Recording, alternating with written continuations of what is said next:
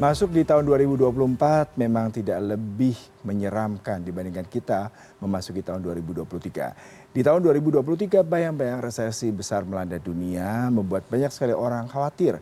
Tanya itu di tahun ini ada banyak sekali agenda politik di dunia.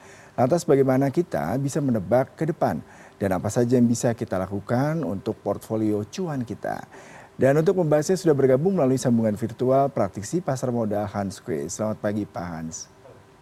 Ya, selamat pagi Pak. Selamat ya, tahun baru Pak. Selamat tahun baru buat Pak Hans. Pak Hans ini kalau perdagangan terakhir ISG 2023 melemah 0,43 persen atau 31,09 poin di level 7.272,8 pada pekan lalu. Bagaimana Anda melihat perdagangan pertama di 2024 Pak? Ya, memang kalau kita lihat uh, nyaris ya IHSG ditutup all time high ya, tetapi ada aksi profit taking sehingga sedikit lagi ya menuju level tertingginya gitu. Kalau kita lihat tahun ini pasar kelihatan lebih optimis karena tahun lalu memang kita dihadapkan pada masalah inverted yield curve yang terjadi di bursa Amerika yang biasanya inverted yield curve itu diikuti dengan resesi biarpun uh, mungkin saja resesinya kecil tetapi uh, terlihat ekonomi US tahun lalu sangat kuat sekali sehingga hampir tidak terlihat ada resesi bahkan pertumbuhannya sempat 5,2 sebelum direvisi jadi 4,9 persen pada kuartal ketiga. Nah tahun ini yang jadi fokus pasar tentu adalah tahun pemilu yang tidak hanya di Indonesia tetapi ada di Amerika, India dan beberapa negara lain. Selain itu pasar juga lebih optimis karena uh, bank sentral global kemungkinan besar akan mulai melakukan penurunan tingkat suku bunga. Mm-hmm. Nah, pertanyaannya adalah kapan dan berapa banyak penurunan suku bunga yang akan dilakukan. Atau kalau kita lihat pasar sekarang sudah sepakat bahwa tidak ada bank sentral besar di dunia yang akan menaikkan tingkat suku bunga lagi. Sehingga ini positif bagi pasar keuangan termasuk ke pasar saham Indonesia. Mm-hmm. Pak, kalau kita bicara mengenai penurunan uh, suku bunga Amerika Serikat sendiri, yang menarik adalah data terkait dengan uh, jobless claim ya yang uh, meningkat menjadi 218 ribu untuk pekan berakhir 23 Desember lalu. Apakah ini juga menunjukkan perlambatan ekonomi Amerika sendiri, Pak? Ya, memang sebenarnya pasar itu berharap pasar tenaga kerja Amerika itu jangan terlalu ketat. Harapannya adalah tingkat pengangguran itu meningkat sehingga kalau ada jobless claim yang meningkat naik artinya tingkat pengangguran meningkat. Harapannya pasar tenaga kerja melemah. Hmm. ketika pasar tenaga kerja melemah maka tidak terlalu ketat pasar tenaga kerja kenaikan upah tidak terlalu banyak sehingga itu berkontribusi pada penurunan tingkat uh, inflasi di Amerika.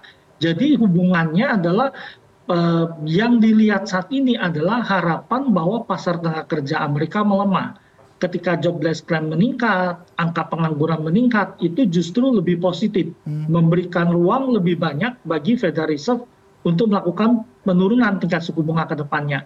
Nah, sebenarnya ketika data tenaga kerja yang lemah itu sebenarnya positif bagi pasar. Hmm. Iya, kalau kita bicara mengenai dalam negeri, Pak, hari ini akan ada data inflasi Indonesia. Bagaimana Anda melihat data inflasi ini, kemudian berapa persen inflasi di tahun uh, lalu, terutama bulan Desember, dan pengaruhnya terhadap market sepanjang pekan ini, Pak? Ya, kelihatannya inflasi kita akan meningkat sedikit ya. Kalau kita lihat beberapa prediksi yang ada, kita perkirakan inflasi itu akan naik ke bulanan 0,5 ya. Hmm. Memang kalau kita lihat ada tekanan harga sedikit di sana, ada masalah cuaca yang mempengaruhi secara eh, tahunan kelihatannya inflasinya akan turun ya ke 2,72 prediksinya hmm. dan eh, inflasi inti mungkin ada di 1,85 persen. Hmm. Jadi sebenarnya inflasi Indonesia sangat terkendali dan ini memang memberikan ruang ya bagi bank sentral kalau mau melakukan perubahan tingkat suku bunga.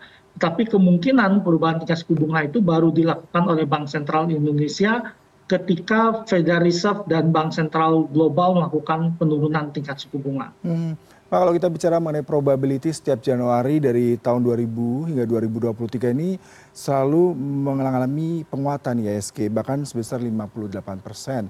Bagaimana Anda melihat January effect ini, Pak? Ya, memang kalau kita lihat ada dua bulan yang cukup positif ya. Biasanya di Desember rata-rata selalu marketnya selalu positif di bulan Desember kemudian di bulan Januari. Kalau kita lihat bulan Januari ini positif karena orang baru mulai alokasi dana lagi ya sesudah hmm. tahun lalu uh, tutup pasar, kemudian awal tahun um, orang melakukan alokasi dana, kemudian fund-fund juga melakukan alokasi dana. Biasanya saham-saham yang big cap lebih banyak diakumulasi ya di awal-awal tahun. Nah ini yang menyebabkan uh, pasar biasanya cukup terapresiasi ya di bulan Januari sendiri.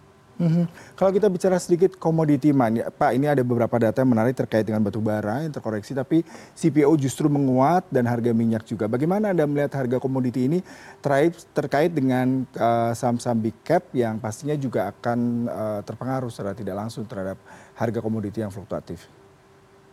Ya, kalau kita lihat pertama minyak ya. Minyak ini uh, cukup menarik gitu ya bahwa tahun lalu sempat fluktuasi setelah ada perang uh, Gaza sendiri. Tetapi sekarang uh, jadi masalah juga karena minyak di akhir tahun cukup terkoreksi cukup banyak gitu.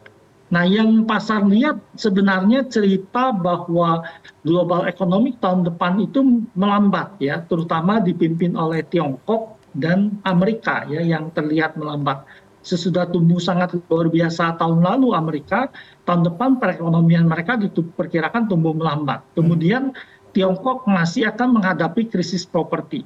Nah ini yang menyebabkan perkiraan demand terhadap komoditas minyak itu cenderung turun. Mhm. Selain itu pasar juga nggak terlalu percaya dengan OPEC yang merencanakan pemotongan pasokan sesudah ada anggota mereka yang keluar dari sana. Gitu. Mhm. Kemudian dari terusan Suez sendiri kapal yang tadinya nggak berani melintas di sana sekarang mulai melintas kembali ya. Jadi ketika kapal tidak melintas di terusan itu costnya meningkat sehingga mendorong harga minyak lebih tinggi. Nah ini yang menyebabkan minyak cenderung tertekan turun ke bawah.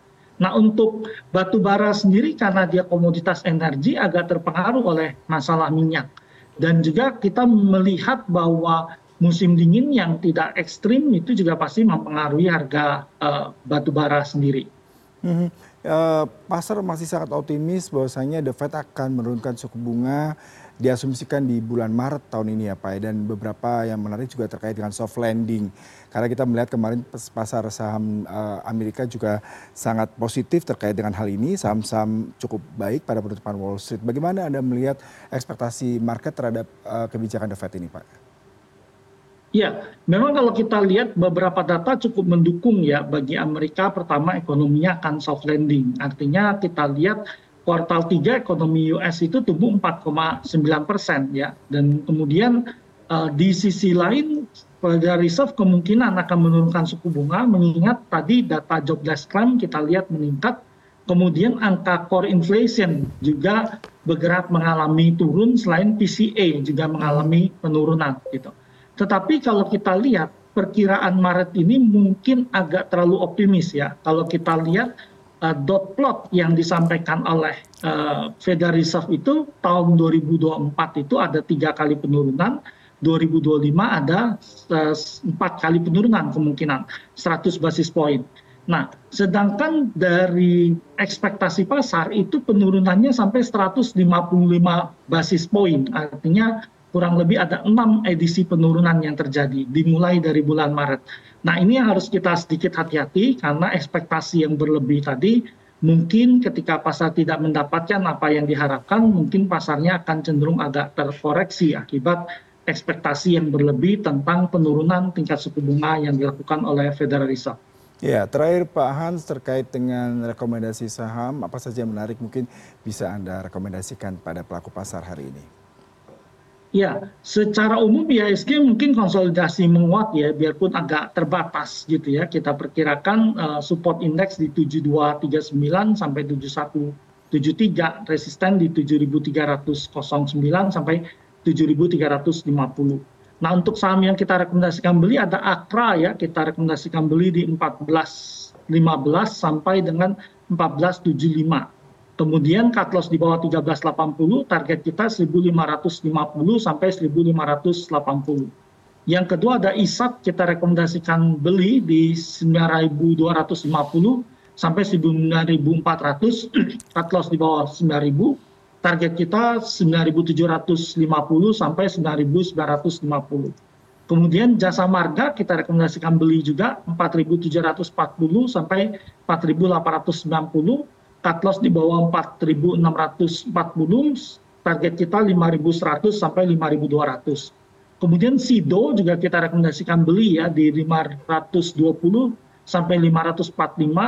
Cut loss di bawah lima ratus sepuluh target kita lima ratus lima puluh sampai lima ratus tujuh puluh lima.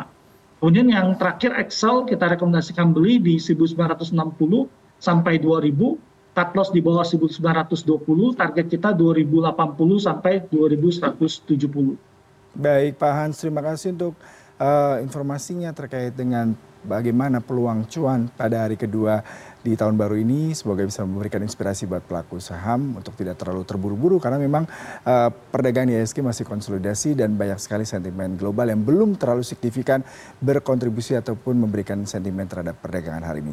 Selamat pagi Pak, salam sehat selalu. Ya, terima kasih Pak. Selamat pagi.